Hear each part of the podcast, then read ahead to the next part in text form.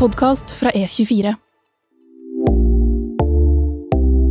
Det jeg nå lurer på er, Hva er for deg akseptabel mengde is per dag? Jeg tror jeg la meg på en halvliter eller et eller annet om dagen. Jeg syns ikke det er Jeg er ikke uenig i, i mengden. Eh, Det skal gå an, det. Ja. Ukens gjest tok sin første utdanning i Forsvaret og kom seg aldri ut igjen. Ikke foreløpig, i hvert fall. I 2008 ble hun første kvinne i Norge med admiralsgrad, og for to år siden ble hun sjef for den norske militærmisjonen i Brussel, hvor hun også er første kvinne i Natos militærkomité. Velkommen til Voksenpoeng med meg, Nora Rydne, og velkommen i studio, Louise Dedekin. Tusen takk, Nora. Utrolig hyggelig å bli invitert hit. Dette her, det gleder jeg meg til. Og så er det veldig kult navn. Voksenpoeng. Takk. Vi er fornøyd med det selv, altså. Ja, Er du klar for tre kjappe voksenpoengspørsmål? kjør på. Hva er det beste du har gjort for eh, karrieren? Det beste jeg har gjort for karrieren, det er vel hele tiden å fokusere på å gjøre en best mulig jobb der og da. Hva er det beste du har investert eh, penger i? beste jeg har investert penger i, det er vel eh, For meg så er det alt dette med familie og barna står meg aller nærmest. Så det å fokusere på det, det har vært det beste og viktigste. Og så er det det tradisjonelle svaret med eiendom. Ja. Man ikke kommer seg utenom. Hva er det verste du har investert eh, penger i, da? Det verste Nei, jeg har en liten historie på det. fordi at eh, for um, 25 år siden så var det en støvsugerselger som kom på døra, og han satt faktisk foten innenfor. Jeg fikk den ikke ut, altså. Og han ga seg ikke, og det endte med at han fikk demonstrert hvor god den der støvsugerkolossen hans var med å støvsuge sengen vår. Og så viste han meg masse sånn midd og alt mulig, og jeg ble jo veldig redd, så jeg hadde liksom ikke noe annet valg enn å kjøpe dem for å bli kvitt alt det der. Det viste seg at det var bare juks, da. Ja. Så jeg endte med en støvsuger til 25 000 den gang. Hva? Um, og enden på den historien er også ganske spesiell, for at uh, etter at vi hadde leid båt en sommer, så skulle vi liksom gjøre rent. Og så hadde vi med den kolossen, da. Støvsugde og alt var i orden. Pakket barn og all bagasje inn i bilen, kjørte hjem, og så et par dager så lurte jeg på hvor støvsugeren var.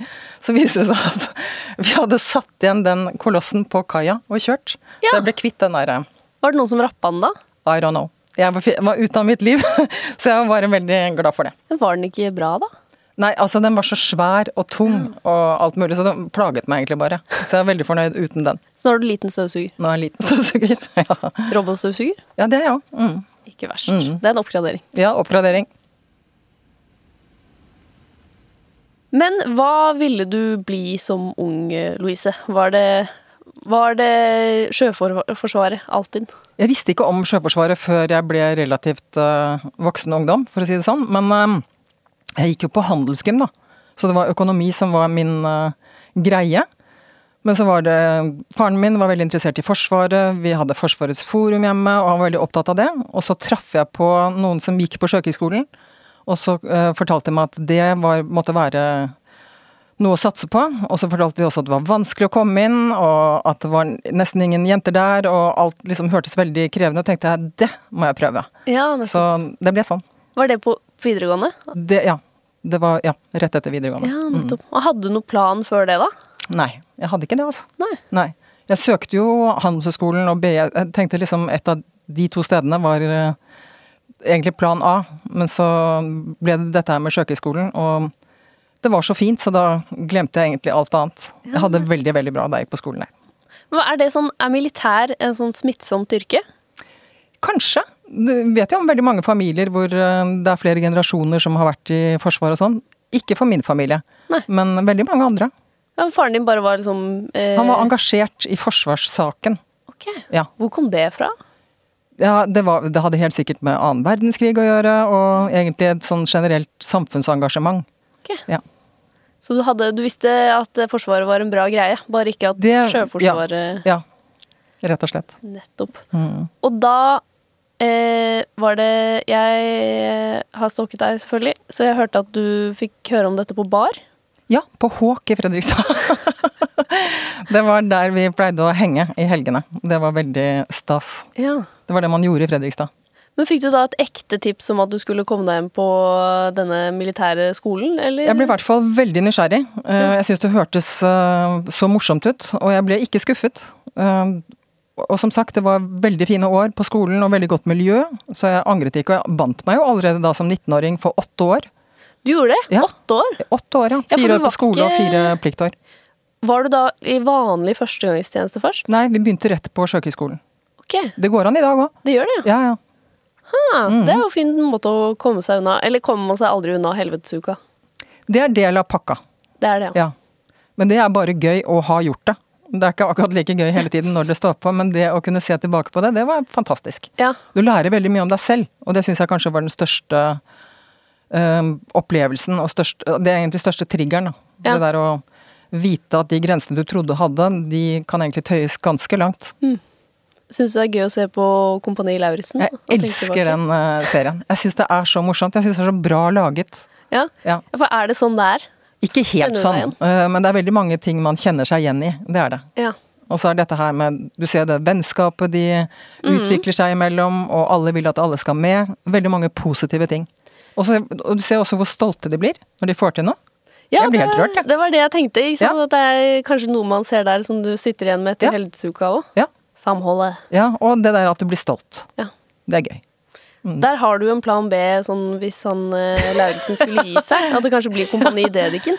Ja, jeg tenker at han godeste Dag og gjør en veldig god jobb, Ja. så han kan få lov til å fortsette med det. Ja. Men denne utdannelsen, den finnes fortsatt. Og så er det da Det er fire års utdanning. Ja, da jeg gikk så var det fire år på på Sjøkrigsskolen i Bergen. Og så var det fire pliktår etterpå. Så det var rett til sjøs, da. Da jeg var ferdig på skolen. Og det var også en del av utdanningsopplegget. Underveis så mm, det var det sjøtjeneste. Så det var navigasjon og sjømannskap og alle disse tingene. Det var veldig gøy. Kult. Jøss. Yes. Men er det eksamen? Og masse eksamener. Så skriftlig, liksom? Ja, ja, ja. Nei, det var jo Det var ikke høyskole den gang. Men uh, i dag så er det jo bachelorutdanning vi gir på alle krigsskolene. Ja, nettopp. Ok, og da var det rett om bord på båt, fire år, og så Nei, det var to år for mitt vedkommende Ja. på båt. Det var veldig gøy. Hvordan er liksom Hvor mange er man på den båten? Nei, jeg var på fregatt, og da er det ca. Ja, vi var 120 om bord. Ja. Og da er vi jo sammen hele tiden, så det blir også et sånt veldig spesielt miljø. Og vi Ja. hadde jo lengste seilasen vi hadde i ett. Da var vi 21 døgn i sjøen. Eh, og da blir du litt sånn eh, ko-ko, på en måte, underveis. Men det er sånn samme også, det er som en stor familie. Så det der uttrykket å være i samme båt, det, det har jeg kjent mye på. Det får en helt ny betydning. Ja, ja, ja. Men jeg er også veldig glad i sjøen, da. Veldig glad i havet. Veldig glad i å være ute i det hele tatt. Har du noe liksom sånn du husker best fra selve utdanningen? Husker best fra selve utdanningen, det er mange morsomme episoder, men øh, ja. Det var jo geværpuss i den grunnleggende utdanningen, det var jo en del av det. Eh, og så var vi Vi var tre jenter. Og da ble vi litt oppfinnsomme underveis, så vi syntes jo det der med geværpuss var usigelig kjedelig. Så da, en del av utdanningen, da bodde vi på Rauøy fort. Og i det huset der vi bodde, så var det faktisk badekar. Og da tenkte vi at det ville være mye mer effektivt å rett og slett bare legge geværet oppi der i veldig varmt vann.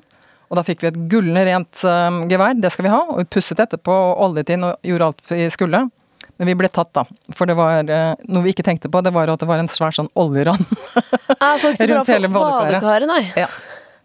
Så der ble vi ferska. Hva skjer da? Er det Da 1000 pushups? Nei, eh, hvis jeg ikke husker helt feil. Jeg tror vi fikk eh, refs. Eller jeg er egentlig ganske sikker på det. Hva er, hva er refs? Det er straff. Ja. Så da ble vi kalt fram på oppstilling, og da ble det fortalt hva vi hadde gjort for noe galt. Og så må det liksom Vi fikk ikke noe bot eller noe, og det ble annullert etter verst eh, siden det var eh, del av utdanningen, men eh, akkurat der og da så var det ganske flaut. Men jeg skjønner ikke hvorfor det var så ille. Hørtes jo veldig effektivt ut. Ja, ja. Det det er ikke etter boka, for å si det sånn. Det er ikke det. Ja ja, ok. Men det, du visste jo gjennom disse fire årene at du, du måtte bli fire år til Ja. eh, i jobb. Ja, og det skremte meg ikke i det hele tatt, for jeg tenkte sånn at uh, da er det jo Løpet er lagt. Og det var veldig mye av det jeg likte hele tiden. At vi visste jo hva vi skulle ha på oss, vi visste hva vi skulle gjøre. Vi fikk liksom tildelt oppgaver, lederoppgaver. Og det var en utvikling hele veien. Så jeg, jeg likte hele opplegget veldig godt. Ok. Mm. Så du, er, er, du hadde det med deg fra før, at du likte liksom litt orden i rekkene? Nei, det, nei det, jeg tror ikke jeg hadde det med meg, men da jeg ble utsatt for det, så opplevde jeg at jeg likte det veldig godt. Ja, Ja, Sånt regime. Da, eh, men etterpå, da er det ikke satt hva du skal gjøre nødvendigvis.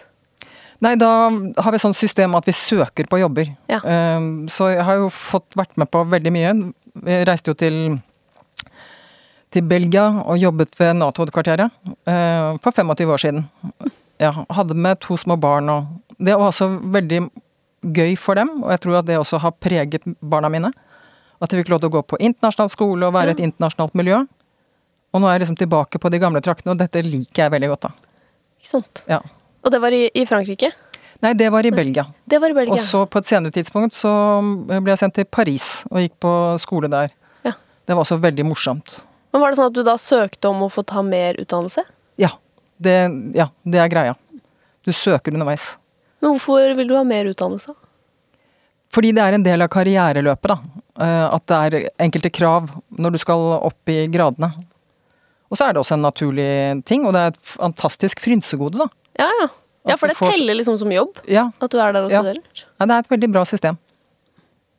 Og Paris, da, da hadde du bestemt deg, da du tok liksom enda mer For da var det også videreutdannelse ved en militær skole. Det var militær skole, ja. Ja. Ja, Ecole Militær.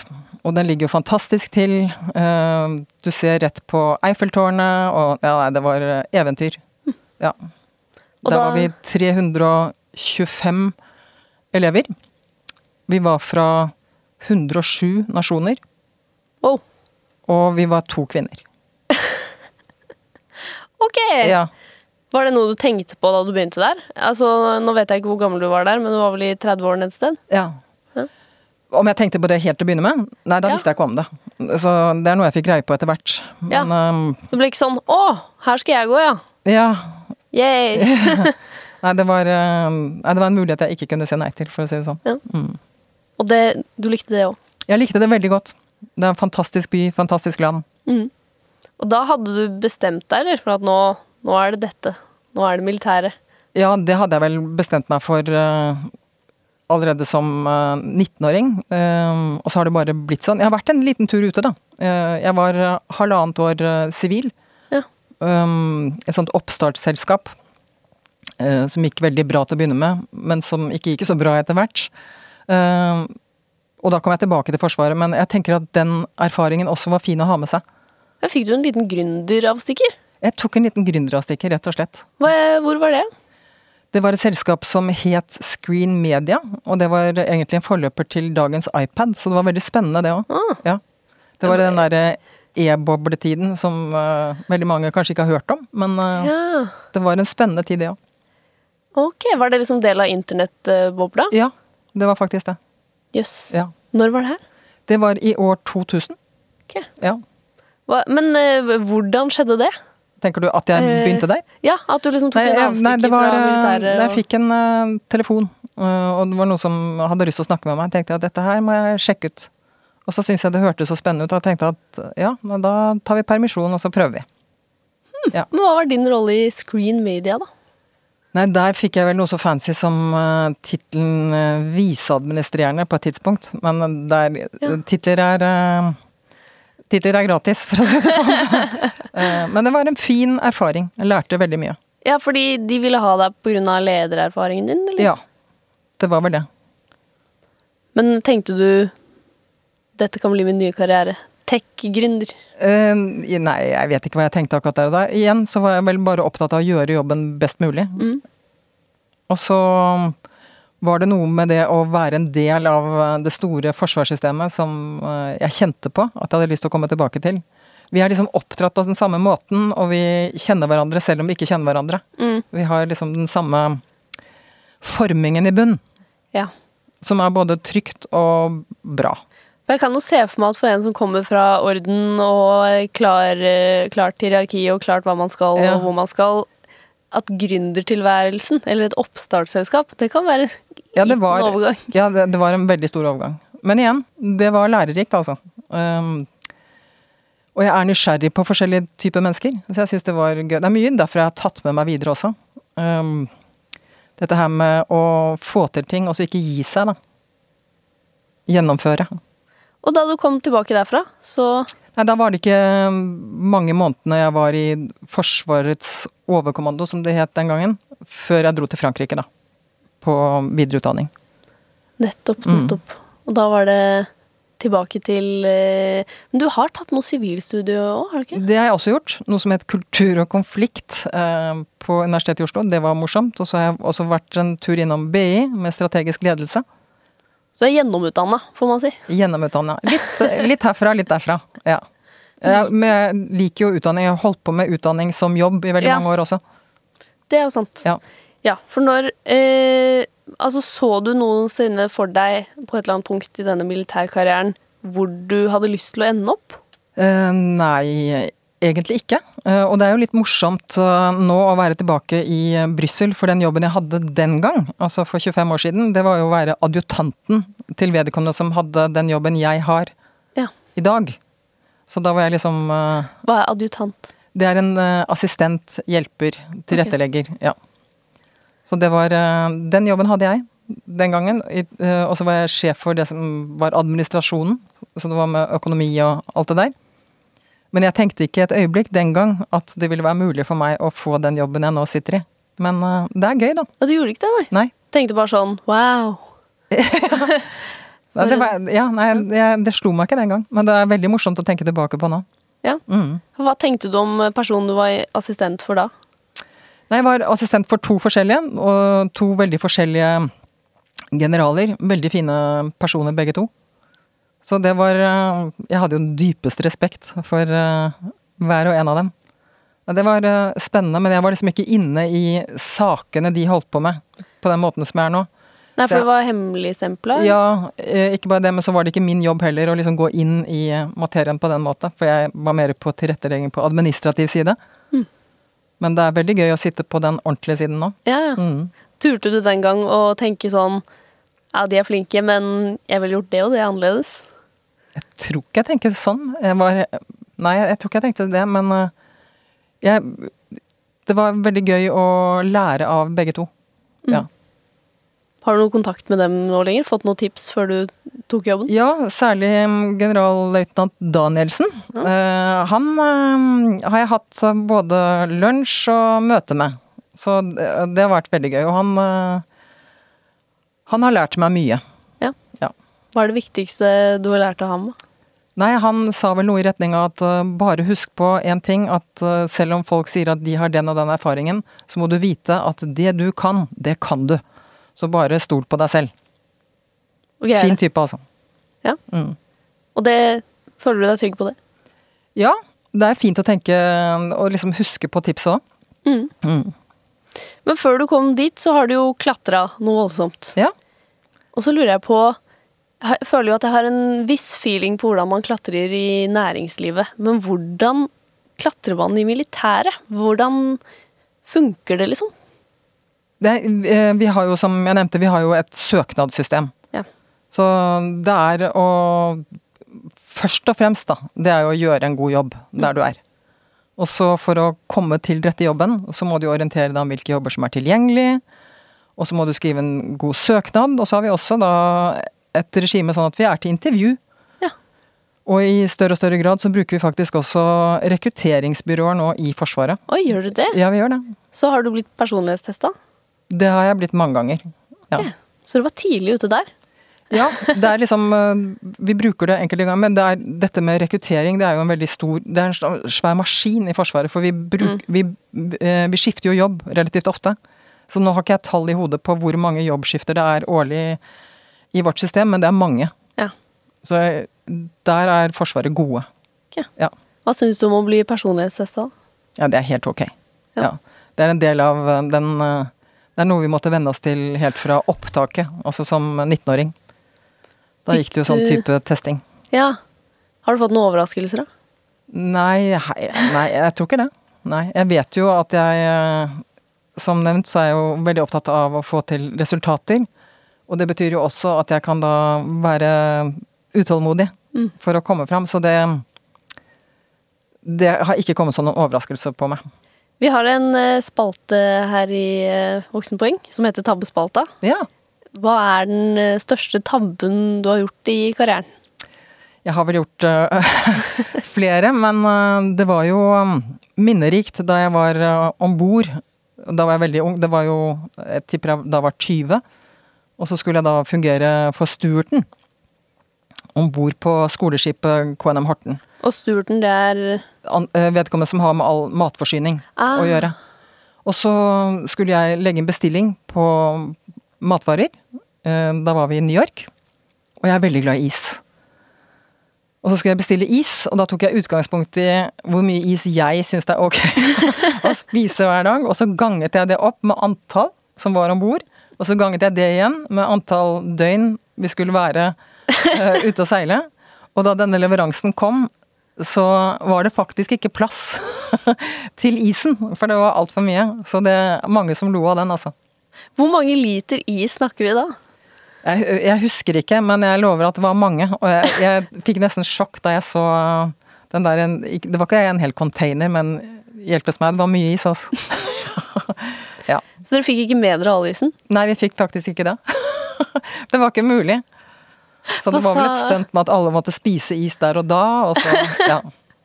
Så alle satt på kaia og spiste is rett ut av boksen? Ja, vi hadde vel forskjellige typer også, så jeg fikk i hvert fall uh, omsatt en del av det, da.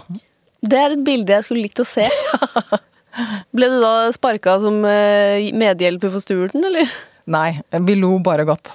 Ja. Det var jo liksom ikke Jeg ruinerte ikke eh, økonomien heller, men det, det gikk fint. Det ble tatt med godt humør. Det jeg nå lurer på er, hva er for deg akseptabel mengde is per Jeg tror jeg la meg på en halvliter eller et eller annet om dagen. Jeg syns ikke det er Om dagen er det kanskje litt Det var nok litt eh, i overkant. Ja. Men det, Ja. jeg er ikke uenig i, i mengden. Det skal gå det. Ja. Men så fikk du jo den så vidt jeg skjønner, den første toppjobben din, den virkelige toppjobben din, det var som sjef for Forsvarets eh, høgskole? Ja. ja. Og der hadde du jobbet en stund? Ja, jeg satt som uh, fungerende sjef da jobben ble lyst ledig. Og da var veien kort for meg til å legge inn en søknad, siden jeg allerede håndterte jobben. Så den fikk jeg da, en vakker eh, februardag i 2008. Og det jeg ikke visste om, det var at eh, en stund etter det, at ansettelsen ble påklaget av en av mine konkurrenter. Så hele den um, prosessen endte jo i bygningen ved siden av her, i Høyesterett, Mm. i 2014. Så det var uh, noen um, veldig krevende år. Ja, for det var år, ja. Det var tingrett og lagmannsrett og Ja, så høyesterett. først var det likestillingsombud, likestillingsnemnd, og så var det Oslo tingrett, og så var det lagmannsretten, og så var det til slutt da Høyesterett. Ja. Hvor første gang jeg var med i prosessen, for jeg var jo ikke part i saken, det var staten som ble saksøkt da. Så Ja. det var første gang likestillingsloven har blitt prøvet i Høyesterett. Eh, Det som er morsomt for meg nå, det er at det er veldig mye læring, og jeg er veldig glad eh, selvfølgelig for resultatet som forelå, at eh, jeg var den best kvalifiserte søkeren. Det er det ene. Men også dette her med likestillingsaspektet, at jeg var kvinne, ble bare sett på som et positivt tilleggsargument, og dommen som er skrevet, den er veldig klar. Men det er også gøy å møte unge studenter i dag som forteller at de har hatt om den rettssaken og den Ja. dommen eh, under ju- jusstudiene. Det syns jeg er gøy å, å høre om. Og læringen er for meg mangefasettert, men eh, det å stå i det, selv om det er kjipt, og så holde maska klare å fokusere på å gjøre en god jobb, selv om det var veldig mye som tilsa at det ville være vanskelig, det tenker jeg det var eh, Det har i hvert fall ikke gjort meg svakere. Altså, og det har jeg kunnet, etter en stund, da, kunne dele med mange, for jeg mener at det er viktig. Og så er det viktig for eh, likestillingssaken eh, generelt. Altså underrepresentasjonen er fortsatt veldig i Forsvaret. Du har kanskje inntrykk av at det er at det er eh, omtrent kjønnsbalanse, men vi er langt fra der. Nå er det gode tall for de som er inne til førstegangstjeneste, men på nivåer der hvor beslutninger blir tatt, så er det fortsatt en ganske skjevfordeling. Og det er en veldig vilje, i hvert fall fra politisk hold, og også fra forsvarssjefen selv, til å få flere kvinner inn i Forsvaret, og ikke minst for at de skal bli der. Eh, Men vi har en lang vei å gå, og det er eh, forskjellige ting. Altså, vi har jo en kulturdimensjon inni det. Og så er det systemet i seg selv som kanskje mm, vi må gjøre noe med. Altså det er en del sånne strukturelle ting. Eh, Men dette er viktig for meg. Eh, Og jeg mener at selve oppgaven, da, det å forsvare landet, jeg mener at den er så viktig at vi i utgangspunktet ikke kan overlate den til ett kjønn alene. Og så mener jeg jo at eh, det være seg i Forsvaret eller i industrien, i næringslivet, overalt, så tenker jeg at beslutningene blir bedre når man har perspektiver fra mer enn én homogen gruppe. Mm. Uh, og da snakker jeg ikke om at alle skal bli like, men jeg snakker om likeverd. Jeg snakker om uh, respekt for hverandre. Så dette her, det er noe jeg brenner for. Mm. Men følte du at det var litt sånn typisk militære? At, uh, at den, da du ble ansatt, så kom det en klage fra din konkurrent som mente at det var eh, diskriminering at du ble ansatt på bakgrunn av at du var kvinne? Ja, det kan man si at det på en måte var typisk der. Altså, det hadde jo ikke vært noen kvinne på det nivået i Forsvaret tidligere. Og i, i tillegg så var jeg jo veldig ung. Um, så det var en del Og jeg hadde jo ikke den tradisjonelle bakgrunnen som mange mente at jeg også burde ha hatt, siden jeg da var økonomiutdannet osv. Men um, det er jo en modningsprosess også, for det er jo Forsvaret er fortsatt tradisjonsbundet, eh, så vi har eh, fortsatt et godt stykke å gå når det gjelder å bli en ordentlig moderne organisasjon. Hm. Så selv om ting kanskje er eh, ganske likt næringsliv, eller kanskje litt striktere enn næringslivet mm. på liksom klatringen, at det er veldig seriøse eh, søkeprosesser, så er det fortsatt litt nettverk og litt sånn anseelse og hierarki, og ja, ja. man skal ja, det det. ha jobba seg opp. Ja, det må. Um, og så er det lett å se hva, hvor har du vært, mm. istedenfor hva er ditt potensial. Og jeg mener at uh, det er jo selvfølgelig i potensialet man bør ha hovedfokuset. Ja, ja, så er det kanskje litt for strikt hvordan man rykker opp i militæret? Ja, det er uh, igjen, da. Det er jo et voldsomt omfang av rekrutteringsprosesser og jobbskifter som gjøres hele tiden, så da blir det jo lett å skulle lande på et system hvor uh, folk helst bør ha gjort de samme tingene. Hvor det er lettere å håndtere. Men uh, samtidig så er det jo veldig mye positivt som skjer. jeg syns jo Forsvaret er ikke til å kjenne igjen i dag, hvis du sammenligner med for 25-30 år siden. Nei, hva er forskjellene fra da du gikk inn og til nå? Nei, det er veldig mange ting som er mye mer moderne. Og jeg tror at bare det å gjøre førstegangstjeneste, det er jo Jeg tror at de som er inne til førstegangstjeneste nå, jeg tror de har det mye bedre og morsommere og mer lærerikt enn de som gjorde førstegangstjeneste for 25 år siden. Og der er det også veldig gøy at de telefonene jeg får fra foreldre som ikke har fått inn eh, datteren eller sønnen sin i Forsvaret Nå, liksom, nå klages det for at man ikke kommer inn. Ja. Men for 25 år siden så var det 'Kan du hjelpe meg? Min sønn må i Forsvaret'. Så det har snudd helt på hodet. Ja. Det har blitt status, og det er veldig ja, de opplever det meningsfylt. Og vi ser på de der ungdommene som vi får inn som soldater. Det er veldig høyt nivå. Og jeg ser også at det gjør dem veldig godt. Det er jo en form for oppdragelse, det å gjøre førstegangstjeneste. En fin greie. Ja. Savnet du oppdragelsen fra førstegangstjeneste? Sånn siden du gikk rett i militærskole? Nei, men det var jo absolutt Vi hadde jo kanskje lavere status enn de som er inne til førstegangstjeneste. Da vi var, ja, ja, som kadettaspirant, som det het det første vi var. Ja. Da var vi ingenting. Så det var eh, Der var det ordning og reda. Men har du noe makt nå til å eh, gjøre endringer i liksom det norske forsvaret fra der du sitter? Jeg er jo med i det som heter forsvarssjefens ledergruppe. Mm. Eh, så vi møtes jo ukentlig. Så der uh, syns jeg det er en veldig god tone, hvor folk blir hørt. Og der er ikke sånn at min portefølje er begrenset til bare det jeg holder på med i Brussel. Jeg uttaler meg også om ting som er på tvers av mitt ansvarsfelt, og vice versa. Og det er fint når man skal være en, eh, en gruppe, at vi kan eh, rådføre oss med andre på tvers av ansvarsområder. Ja. Mm. Så hva tenker du er de største utfordringene for Forsvaret nå? Forsvaret har jo på en måte de tradisjonelle utfordringene. Og så er det jo sånn at dette med cybertrusler, altså fare for nettangrep, det er mer og mer aktuelt. Og bare for noen dager siden så ble jo FNs klimarapport lagt fram. Og den type spørsmål det er ikke noe som er isolert til andre sektorer. Det gjelder også for Forsvaret. Så både et sånt uh, metaperspektiv, men også ned på den enkelte avdeling. Hvordan vi drifter, og ikke minst hvordan vi øver. Uh, vi må ta hensyn. Og når det gjelder uh, fare for konflikter framover, så hvis det skulle bli ekstrem tørke eller ekstrem mangel på ressurser i deler av verden, så kan jo det uh, føre med seg at folk flykter, og igjen så kan det være kamp om ressurser, og det kan igjen da utvikle seg til sikkerhetstrusler. Så det er et sammensatt hele. Det er ikke sånn at Forsvaret opererer på siden av verden. Altså vi er jo en del av det store bildet. Ja. Og dette er også spørsmål som vi diskuterer uh, rundt bordet der hvor jeg sitter i Brussel til daglig. Ja, så da må kanskje rett og slett legge om hvordan man eventuelt er i felt, da. Hvis det blir store klimaendringer eller helt andre tussel... Ja, ikke bare det, men også måten man øver på. Eh, men det å ta hensyn til dette, bare erkjenne at dette her er ikke isolert til andre, eller overlatt til andre. Altså vi har alle et ansvar når det gjelder klimaspørsmålene særlig. Og det engasjerer meg på et personlig plan veldig òg. Mm. Eh, jeg bryr meg veldig mye om det, faktisk. Ja. Ja.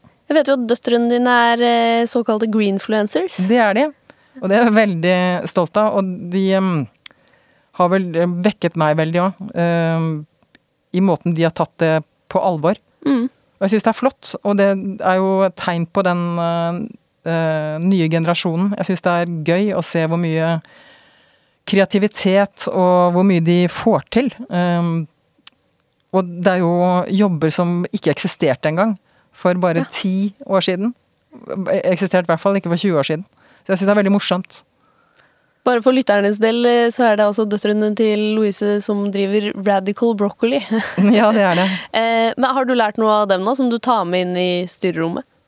Ja, jeg, jeg syns jeg har lært veldig mye av dem. Um, og det går jo på både den bevisstheten på hva vi gjør, og hvordan vi bare forflytter oss. Uh, men også når de kommer ned på spørsmål om forbruk. Altså trenger vi virkelig alt det vi skal kjøpe hele tiden? Altså, det går an å være litt mer bevisst. Og så er det også Trenger vi å spise så mye kjøtt? Altså, så det er eh, mange perspektiver.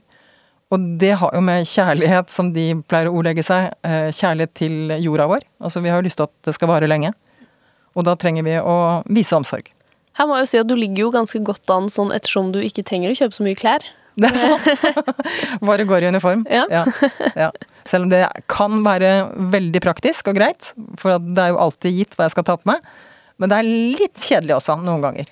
Ja, litt lyst til å shoppe. Ja. Brukt, selvfølgelig. Ja, ikke sant? Jeg syns dette her med at bruktklær har blitt inn, det syns jeg er en flott greie. Men hva med likestilling? Hvor stor plass får det i eh, rådet til forsvarssjefen? Er det noe man fortsatt jobber aktivt med, eller Ja, er man og jeg syns jo at vi har en uh, veldig oppvakt og moderne forsvarssjef som er uh, genuint opptatt av uh, både kjønnsbalanse og likestilling as such.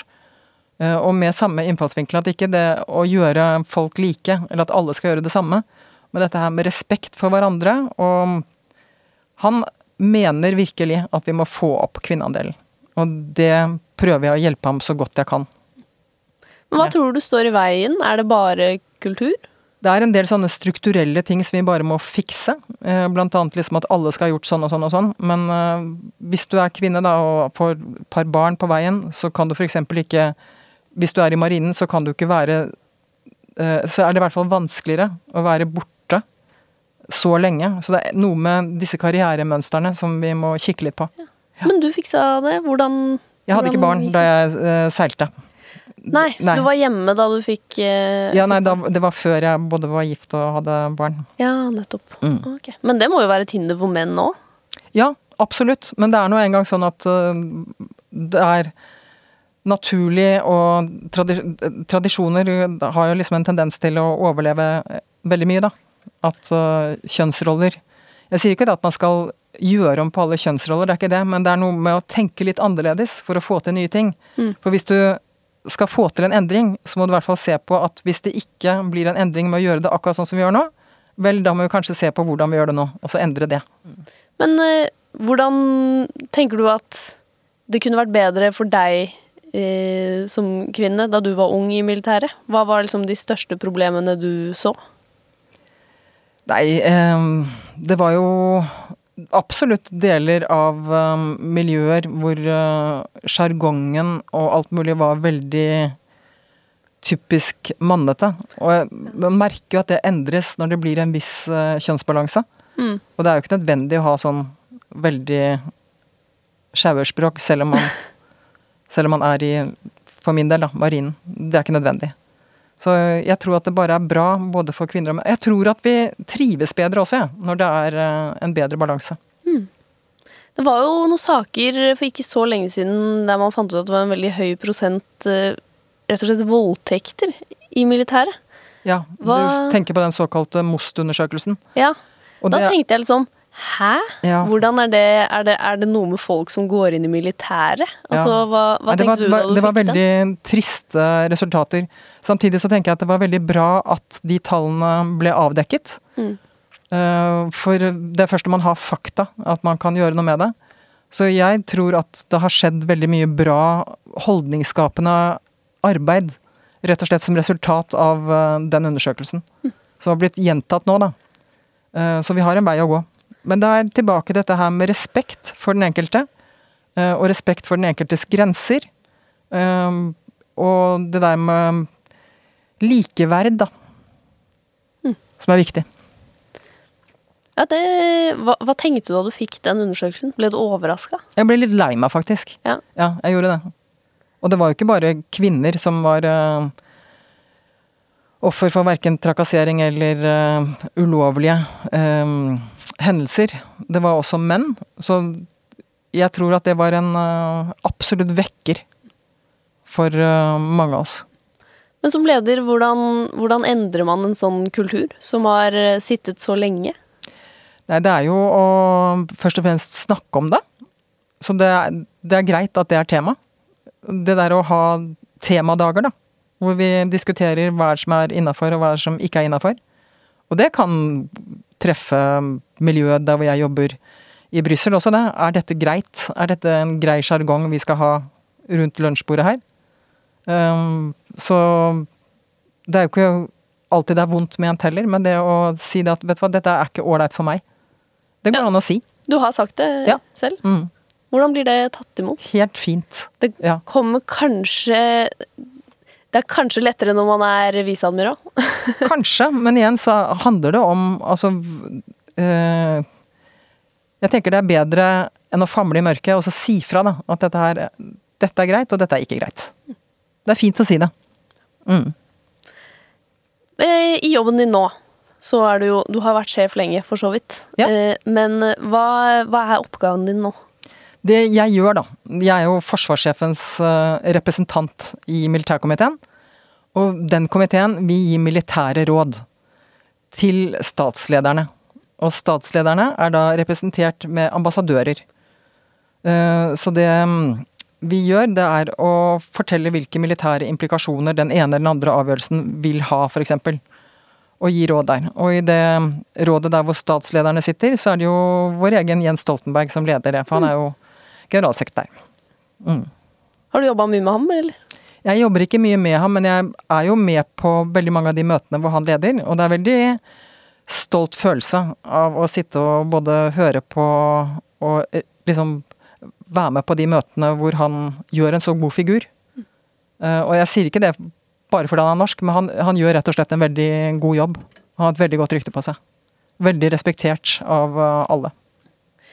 Du fikk jo en periode i den nye jobben med Trump som president i USA, og han var jo Det var jo en del Nato var jo en del av hans kjepphester. eh, Mm. Og så har du jo da opplevd en periode med en annen president. Hvordan er forskjellen der? Eh, For meg, på militær side, så har det ikke så veldig mye å si. For eh, særlig på militær amerikansk side, så er de ekstremt lojale overfor presidentembetet. Okay. Så det er ikke så mye politikk i det jeg jobber med.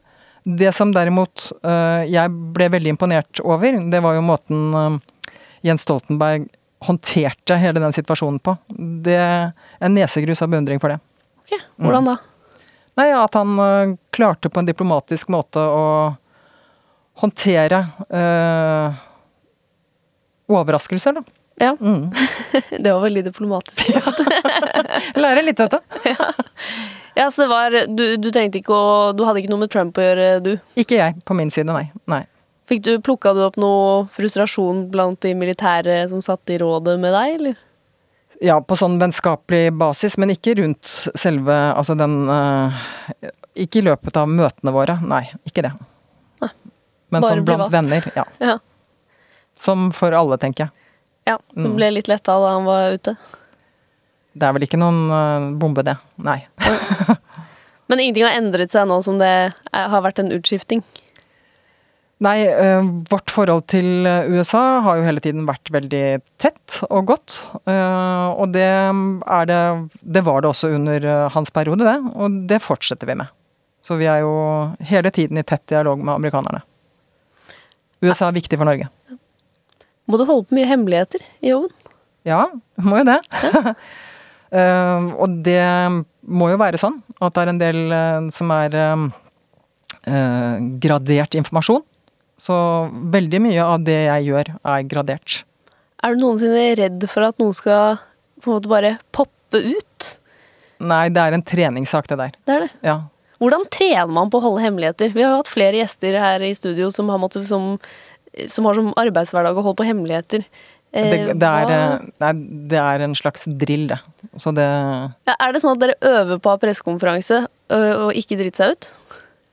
Ja, det eh, kan vi også gjøre, men eh, det, er, det er ganske åpenbart hvor eh, grensen går for hva du kan si og hva du ikke kan si. Så det Etter så mange år et system hvor gradert informasjon faktisk er en del av jobben, så opplever jeg ikke det som noe vanskelig. Nei. Så det er ikke vanskelig når du sitter og spiser middag med mannen din. Jeg vet ikke, Har du flytta ham til Brussel? Eller Nei, jeg pendler. du pendler? Mm. Så når du kommer hjem med masse hemmeligheter og skal spise middag med ham eh, Nei, ja, men ikke- han har jo tilsvarende i sin jobb. Det er veldig mange Ja. ting han ikke kan diskutere med meg. Så der har vi, om enn ikke uttalt, så er det en helt klar uh, måte å håndtere det på, både for ham og for, for meg. Det går helt fint. Praktisk at dere er to med hemmeligheter, da, i hvert Det er to med hemmeligheter, ja. Men du ble leder som ganske ung, og nå er du jo veldig Du er veldig drilla som leder. Eh, når fant du ut at det var det du hadde lyst til? Blir man liksom drilla på det med en gang man kommer inn i militæret, at det er helt åpenbart at alle skal bli ledere? Ja, det er en rar uh, greie det der, fordi vi blir trent opp til det. Fra veldig, så det er liksom uh, større og mindre lederoppgaver som vi blir utsatt for. Mm. Så det er drill hele veien. Og jeg liker det jo veldig godt, da. Jeg syns det er eh, en fin eh, greie, men jeg, det er jo ingen som leder alene. Så det er jo alltid i samspill med andre. Så du snakket om dette med personlighetstester, og jeg, jeg kjenner jo meg selv veldig godt. Så jeg vet også at jeg er avhengig av å ha folk som kan kompensere for mine svakheter rundt meg, sånn at vi kan jobbe i et team. Så jeg kjenner eh, ingen ledere, tror jeg, som får til ting alene. Det er alltid takket være veldig gode folk rundt. Så hva er dine sterkeste lederegenskaper, og når oppdaget du dem? Jeg har alltid hatt øh, Det tror jeg fikk vite som barn, til og med. Ah, ja. Den, dette med utålmodighet og, og vilje, egentlig. Og for øh, I sånn jobbsammenheng så blir det Det bruker jeg som gjennomføringsvilje. Mm. Eller gjennomføringsevne. Um, det der å ikke gi seg. Det er der jeg kan bli utfordret, da. Ved å være for øh, Eller jeg, jeg kan bli utålmodig. Og ja, veldig utålmodig, faktisk. Men da igjen, gode medarbeidere som kan um, demme opp for det. Jeg vil jo sette for meg at er det ett sted det er mer ok enn andre å være utålmodig, så må det være militæret. For da, det er liksom lov å skrike og lov å Ja, det er ikke sånn, ja, det er, men det er ikke sånn skrikekultur, egentlig. I min hverdag, i hvert fall. Okay. Nei, det er det ikke. Men det var det Altså nå er jeg tilbake til min erfaring fra eh, å ha sett på Kompani Lauritzen. Ja, det er sånn uh, både et riktig bilde, men også litt overdrevet enkelte ganger. Men det er til den grunnleggende utdanningen, da. Ja, Så det er liksom når du er uh, 19 år at, det, okay. at det fungerer sånn. Det skrikes ikke i Natos militærråd. Nei, det gjør ikke Nei, det gjør vi ikke. Nei. Tror du militære ledere blir annerledes enn vanlige ledere? Ja, det tror jeg. Eh, både veldig mye på godt. Eh, og det er jo Det har jo vært eh, veldig mange fra Forsvaret som gjør det bra i næringslivet. Fordi de har gjennomføringsevne og vilje. Og gjerne struktur som passer godt inn i mange sammenhenger. Og for eget vedkommende så har jeg hatt noen styreverv, og jeg sitter i en sånn advisory board for uh, Handelshøyskolen Innlandet. Og jeg tror at de der perspektivene vi kan ta med fra vår side, da, jeg tror det er bra for næringslivet også. Absolutt. De har litt å lære. Ja, men det, er, det går to veier. Ja. Så jeg tror ikke man skal være redd for å lytte og lære av uh, andre sektorer heller. Det er bare bra. Kan du se for deg om du noensinne kommer til å forlate militæret? Ja, klokka går, vet du. Så det er uh, Ja, for du blir kasta ut i en viss alder, blir du ikke? Ja, sånn som det er akkurat nå. eh, Nå er det ting som tyder på at eh, det kanskje blir noe endring der, men eh, 60 år er egentlig pensjonsalderen vår, ja. Det er veldig ungt. Det er veldig ungt. Ja. Og hvor lenge har du igjen til 60? Tre år. Det er bare tre år! Ja. Oi! Mm. Ja, Da må du lobbe litt for at de skal sette opp den aldersgrensa, Ja, kanskje. ja. Jeg har eh, ingen idé om å slutte å jobbe i en alder av 60. Absolutt ikke. Nei, Kan det gi deg litt panikk at du blir kasta ut av militæret om tre år? Nei, det er bare Det må være gøy. Da er det jo åpent for nye muligheter. Ja, for da eh, Det er ikke sånn at du klamrer deg til håp om at de skal eh, sette opp grensa. Du tenker da skal du faktisk gjøre noe annet. Nei, enten så skjer det, eller så går det an å tenke helt uh, annerledes. Men det er gøy å gjøre noe. Få til noe. Ja, jeg kan ikke se for meg at du skal pensjonere deg om tre år, nei. Nei, det er kanskje litt, eh, litt uh, heftig. Men hva Har du tenkt noe på det? Hva du kunne tenke deg å gjøre? Eh, ikke sånn veldig mye, men eh, jeg er ganske åpen. Eh, så det der med å være engasjert, det være seg når det gjelder eh, en eller annen type bedrift som skal få til noe som igjen er bra, eh, med tanke på det vi var inne på når det gjelder klima og miljø, det er spennende. Eller å være deltaker eh, mer på sånn styre styrebasis. Det er også spennende. Det handler jo om å fatte beslutninger, og det er vi jo veldig drilla på, da. Så det er bare å eh, notere ned. Tre år, alle rekrutterere og alle styrer der ute. Ja, det er en bra jobb, Da blir Louise Dedichen ledig. Ja, ja, ja. Da er det bare førstemann til mølla. ja. Helt til slutt, eh, Louise. Hvis du kunne reist tilbake i tid og gitt 20 år gamle deg selv et råd, hva ville det vært? Ja, det er et morsomt spørsmål. Det jeg ville tenkt, hvis jeg ikke hadde valgt Forsvaret som både utdanningssted og arbeidsplass, da ville jeg sagt til meg at kom deg til utlandet. Ta utdanning ute, og reis og opplev og ta god utdanning, og kom tilbake heller. For dette her med å få inn den internasjonale dimensjonen og legge grunnlaget for å forstå andre kulturer og andre nasjoner på en måte fra deres verdensbilde, det er eh, enormt viktig. Uansett hva du skal jobbe med. Et godt råd der til alle unge. Absolutt. Tusen takk for at du eh, kom hit i dag, Louise Dedekin. Veldig hyggelig å være her, så tusen takk for meg. Hvis du har lyst til å f.eks. lese skoledagboka til Louise, så må du gå og følge oss på Instagram. Der heter vi Voksenpoeng med Nora.